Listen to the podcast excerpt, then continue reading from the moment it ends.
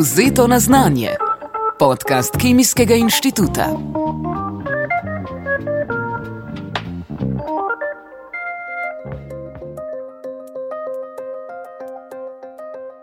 Pozdravljeni. Poslušate 15. epizodo podcasta Vzeto na znanje. Danes bomo prisluhnili Mataju Vraniču, fotografu, snemalcu in avtorju odmevnih dokumentarnih filmov o slovenski fauni, kot sta naprimer Ptice jezer in Divja Slovenija. Prav slednjega si boste lahko ogledali na prihajajočem tednu Kemijskega inštituta, ki bo potekal med 5. in 9. junijem. Da vam bo bolj jasno, kako je film o pestrosti živalskih vrst, od panonskih ravnic pa do gorenskega pogorja sploh nastal, prisluhnite današnjemu podkastu. Matej Vranič je dejal, da se je snemanju filmov posvetil, ker je bilo s fotografijo težko preživeti. Če tudi je pripravil osem samostojnih reportaž za slovensko izdajo revije National Geographic. Leta 2017 pa je bil izbran celo za najboljšega naravoslovnega fotografa. Vseeno se je moral preživljati s komercialnimi projekti. Če bi lahko kakšno fotoreportažo prodal izvirni reviji National Geographic, pa pravi, da bi se visoki stroški more biti pokrili tudi za več let nazaj. Mesec maj mu zaradi vremena ni najbolj naklonjen, vseeno pa je z letošnjo sezono snemanja že pričel. Ja, Delovni dan tedni je zelo, mislim, ekstremno naporen, zaradi tega, ker v naravi se začnejo stvari dogajati od marca naprej, marec, april je že zelo intenzivno, ko se pa maj začne, pa eksplozija. In če je eksplozija v naravi, je tudi pol eksplozija v moji glavi, ker je treba toliko velik stvari. Eh, postoriti v tako kratkem času. Letos pa je še sploh problem, ker očitno bomo imeli zelo moker maj, in za vsak dan, ko ne morem iti na teren, se mi popiči delo za par dni. Zdaj, Vremenologi pravijo, da, da bo do konca maja tako deževno, in jaz ne vem, kaj bo tole. Ker bomo zritali določene stvari, ker namreč snemajo se štiri filme hkrati, naravoslovni, ki so zelo obsežni, in je, in je to ful težko pol spraviti pod streho naenkrat. Čisto tako simpel primerjava, tako da bi mogel en mehanik tisoč avto na dan popraviti, ko jih ne more. Tako da je kar, kar norišnica, ker je treba ogromno stvari usklajevati. Niso to samo stvari, recimo, da bi um, greš pa nekaj posnameš iz narave. Vedno probaš nekako vključiti človek in narava. Ne? In te zgodbe vedno upošteva, uh, vključujejo ta človeški faktor in moraš se z ljudmi zmeniti, pa ljudje nimajo vedno časa. In da ne govorim, koliko priješ domov, pa že takrat, ko pozno priješ domov, promoš vse materiale, ki si jih posnel, pa zarhivirati, pravilno razsortirati, da je vse tek, da je res narišnica. Vsaj motivov mu ne manjka. Slovenija namreč sodi med biotsko najbolj pestre države v Evropi. K temu pripomore tudi dejstvo, da dobrih 37 odstotkov Slovenije pokrivajo zavarovana območja Nature 2000, ki svoj praznik praznuje ravno v tem mesecu. 14 odstotkov pa so druge vrste zavarovana območja. Pri nas je sicer zavarovanih tudi več kot 200 živalskih vrst. Biotska raznovrstnost v svetovnem merilu sicer upada, ogroženih je 25 odstotkov živalskih vrst. Nekaj jih bomo s pomočjo Mateja Vraniča ohranili vsaj na filmskem traku ali, bolje rečeno, na spominski kartici. V bistvu že spremljaš par let prej določene procese, ki se v naravi dogajajo, in na podlagi tega si ti lahko uh, določen sklop uh, uh, planiraš v določenem obdobju. Ne? Se pravi, če hočemo imeti to paritveno obdobje Gamsa, je pač treba v tistem času posneti in pol upaš, da takrat ne bo uh, uh, ali sneg prehiter zapadel, ker če sneg prehiter zapade, pol ti do njih ne moš. Če pa, uh, uh, mislim, sploh če pade velika količina snega, ne? zdaj če je tam do 20 cm, še vse gre, ne? ampak uh, če pa ni snega, pa spet ne zgleda fajn. Zaradi tega, ker uh, desetletja, pa mislim, uh, mnogo, mnogo uh, uh, let se je dogajalo, vedno to v nekem takem zasneženem okolju. No? In pol še ti, kot scenarist, hočeš tako malo idilično vse podariti, in pol še ekstra iščeš, pa si sam sebi kompliciraš delo. Ja, mora biti sneg, mora biti sončni dan, mora biti to, ono, tretjo. In pol se kar stvari komplicirajo. Ampak posledica tega polja pa je, da je mogoče gledalec pa reči, da so pa fajn naredili, ja, pa je, je zadovoljno pogledal. Ampak redko kjer pa ve, koliko se stvari pa na nek način skoraj neke živčne vojne predtem dogaja, predtem se to posname. Polk je to enkrat v montaži, pol je to špilerija, ampak najtežje je pa posnet. Koliko časa potem ponavadi čakate na posnetek? To, to je zelo specifično. To je, tak, nekatere stvari se zgodi. Recimo, bom povedal, če sem tak uh, primer, ko me je pri Sloveniji najbolj skrbelo. Zamislil sem si zgodbo, da bi imel volkove v filmu. In za te sem bil kar tako rečemo 95-odstoten, da bo skoraj ne mogoče jih posneti. No, pol se jih je pa posnelo v roko parih ur. Sem pa ene druge stvari. Ko sem pomislil, kako bo to enostavno, pa sploh ni šlo. In ni šlo, ker so se vremenski pogoji tako čudno križali. Pa, recimo, kolega, ko je snimal uh, zgodbo o Jazbecu, uh, je vsa leta, že rečemo, vsaj ne pet, šest let ga fotografira in dobesedno sta si na ti. Ne? Ampak, ko je bilo pa treba snemati, pa se je zgodilo, da je ga par dni predtem avto povozil, pol je bilo treba čakati, da en drug jazbec pride v tisto jezbino, pa jo zasede. Ano? In spol si čakal na to skoraj pol leta ali celo eno leto, to bi sicer mogel on bolj povedati, kako je on to doživljal. Ampak recimo v filmu vidimo samo par kadrov, ki traja mogoče 20-30 sekund, ampak on je pa ti skoraj leto pa pol pripravljal. In to so take stvari, ko si misliš, eh, to bo ene živali, bomo pa mi na en, dva, tri posneli, ko, ko so to besedno pravi pozerni ja, no? in te poznajo in so navajeni na tebe, ampak se pa stvari tako hitro obrnejo v parih dneh. Pri snemanju divjih živali pa ni potrebno paziti le na obnašanje živali, ampak tudi na vremenske pogoje. Ne na zadnje se različne klime v Sloveniji zamenjajo že v roku ene ure vožnje z avtomobilom. Ob morju smo namreč podvrženi sredozemskemu podnebju, v srednji Sloveniji celinskemu, v Alpah visokogorskemu in še bi lahko naštevali. Poleg tega nekateri kraji zaradi nizkih temperatur in snežnih padavin določen del leta sploh niso dostopni najbolj ekstremne razmere smo imeli, ko smo, vsaj jaz sem jih tako doživljal, ko smo šli snemati kozoroge na križke pode. In takrat so bili v planu tri snemalni dnevi, da gremo z ekipo gor. Seveda, ker je to nek zimski sklop, pa to paritveno obdobje se takrat dogaja pri njih, tako pri uh, Gamsih. Sem rekel, gremo gor, malo snega je padlo, glih to, da je idilično. Vremenoslovci so rekli, sicer, da ti dan, ko bomo šli gor, bo še malo naletal sneg, pol pa se naj bi umirilo. In pol se je pa zgodilo ravno obratno. Ano. Mi smo šli gor, sneg se je res umiril, ampak čez noč. Je pa začelo full snežiti, pa je snežilo cel dan, pa še drug dan, pa smo bili tretji dan že gor, pa nismo nič naredili.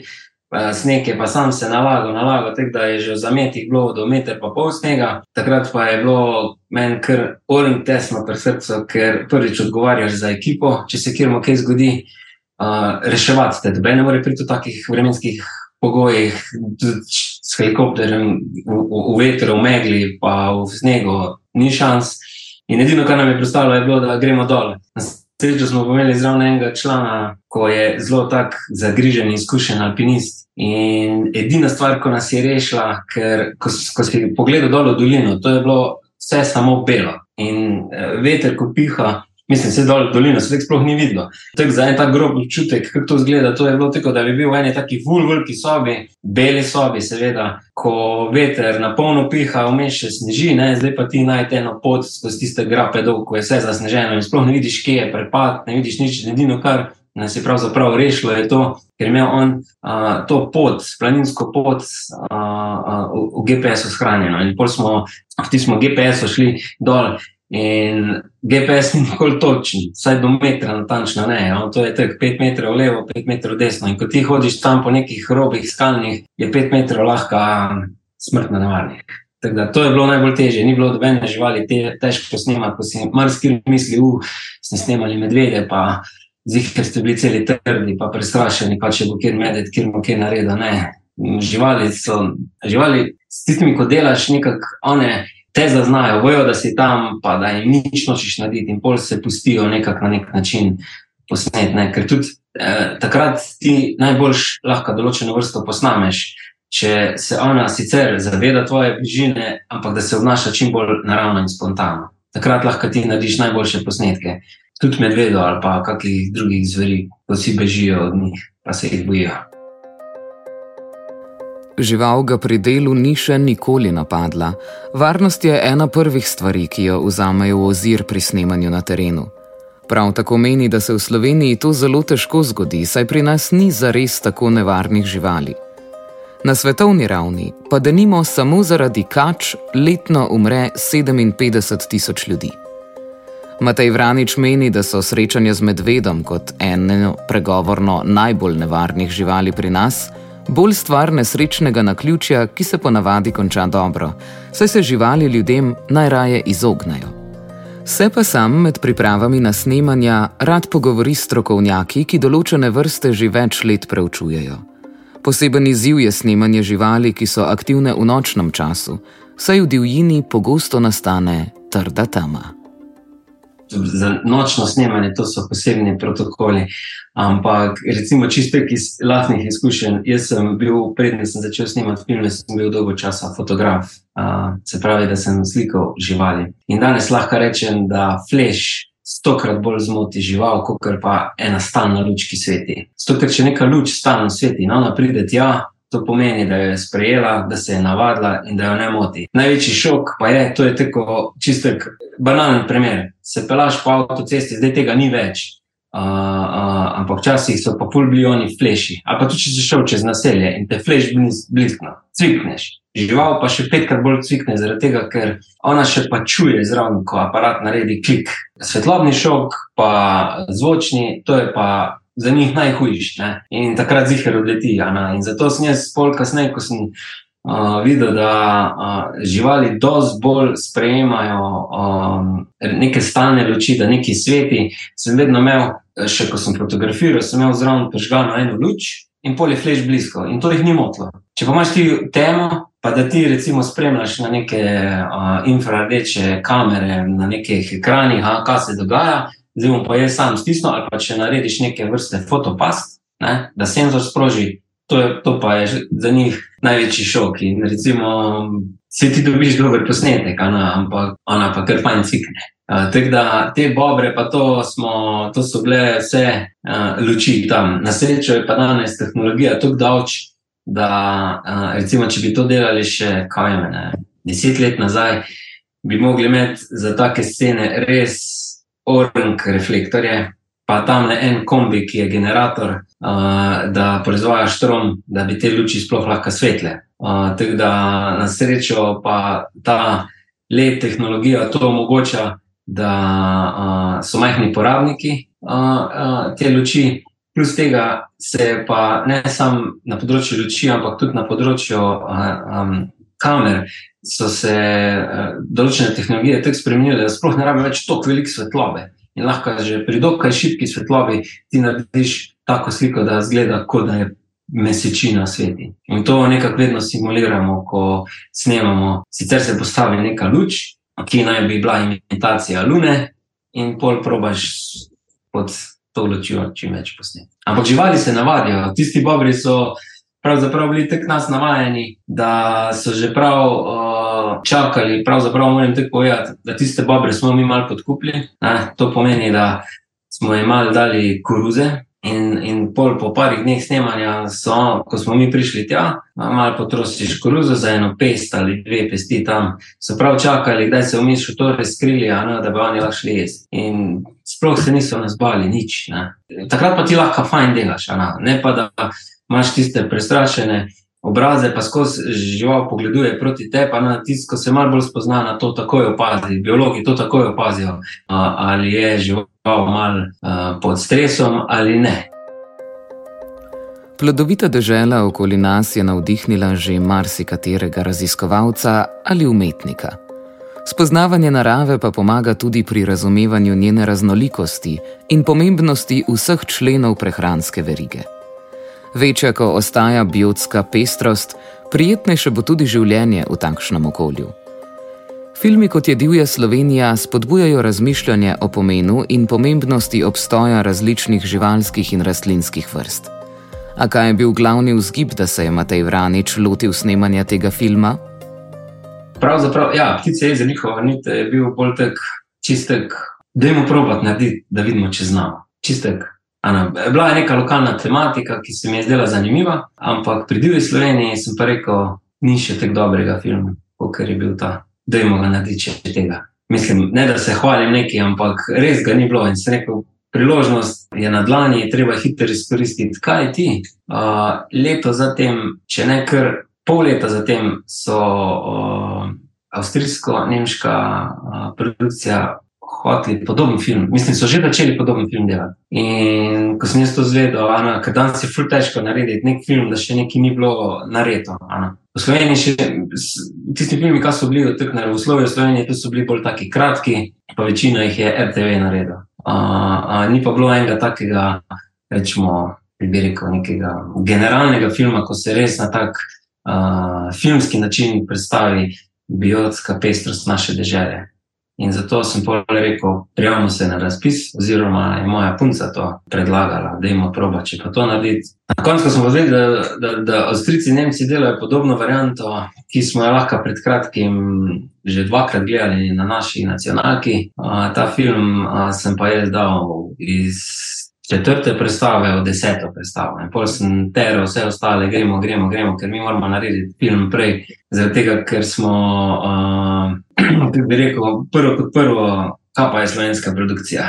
Na naravoslovju, vse sploh ni, vse sploh ne, mislim, obstaja že, ampak uh, uh, nimamo nekih rezultatov, vse nas ben resno ne jemlje, mi smo pač kreni, in zato sem rekel, moramo dokazati, da znamo mi boljš ali pa vsaj tako dobro narediti, kot oni, ko imajo res milijonske proračune za take filme in da uh, mi moramo biti prvi, ko naredimo ta film, ne drugi. Malo pa moramo biti kot patrioti. Film je bil izdan oziroma lansiran v kinematografe v najbolj neugodnem času uh, filmske industrije na naših tleh. Se pravi, uh, bil je bleso totalno nerazumne, COVID, uh, uh, mislim, COVID ukrepi. In ljudje niso hoteli hoditi v kino gledati film, film je pa narediti za kino. Doma lahko ti gledaš bilo kak film, ampak najboljši je pa film gledati v kino. Ker takrat, še da takrat ti, če ne druga, vsaj zvoke čuješ, pa se res, ko s to audio vizualizacijo lahko ful poglobiš v film. No, in distributor na slovenskih tleh je še danes kar dober film, drži pa je že kar lep čas od tega ko je film šel ven. Kar to pomeni? Ponovadi film, ko gre ven, je dva, dva mogoče dobri filmi, tri mesece, da je v, v toku.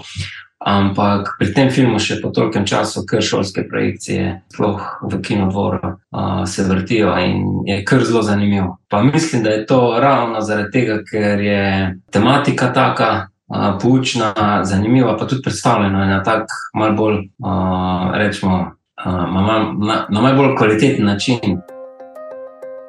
Kot že omenjeno na začetku oddaje, si boste lahko dokumentarni film Divja Slovenija ogledali na tednu Kemijskega inštituta in sicer v ponedeljek, 5. junija ob 15.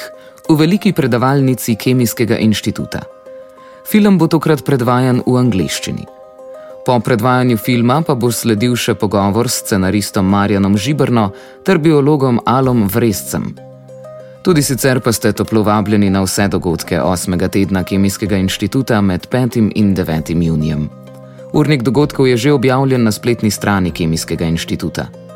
Če ne boste utegnili inštituta tedaj obiskati v živo, se nam pa vsaj ponovno pridružite v novi epizodi podcasta Vzeto na znanje, ki bo na voljo za posluh v mesecu juniju. Z vami sem bila Pija, pa lep pozdrav.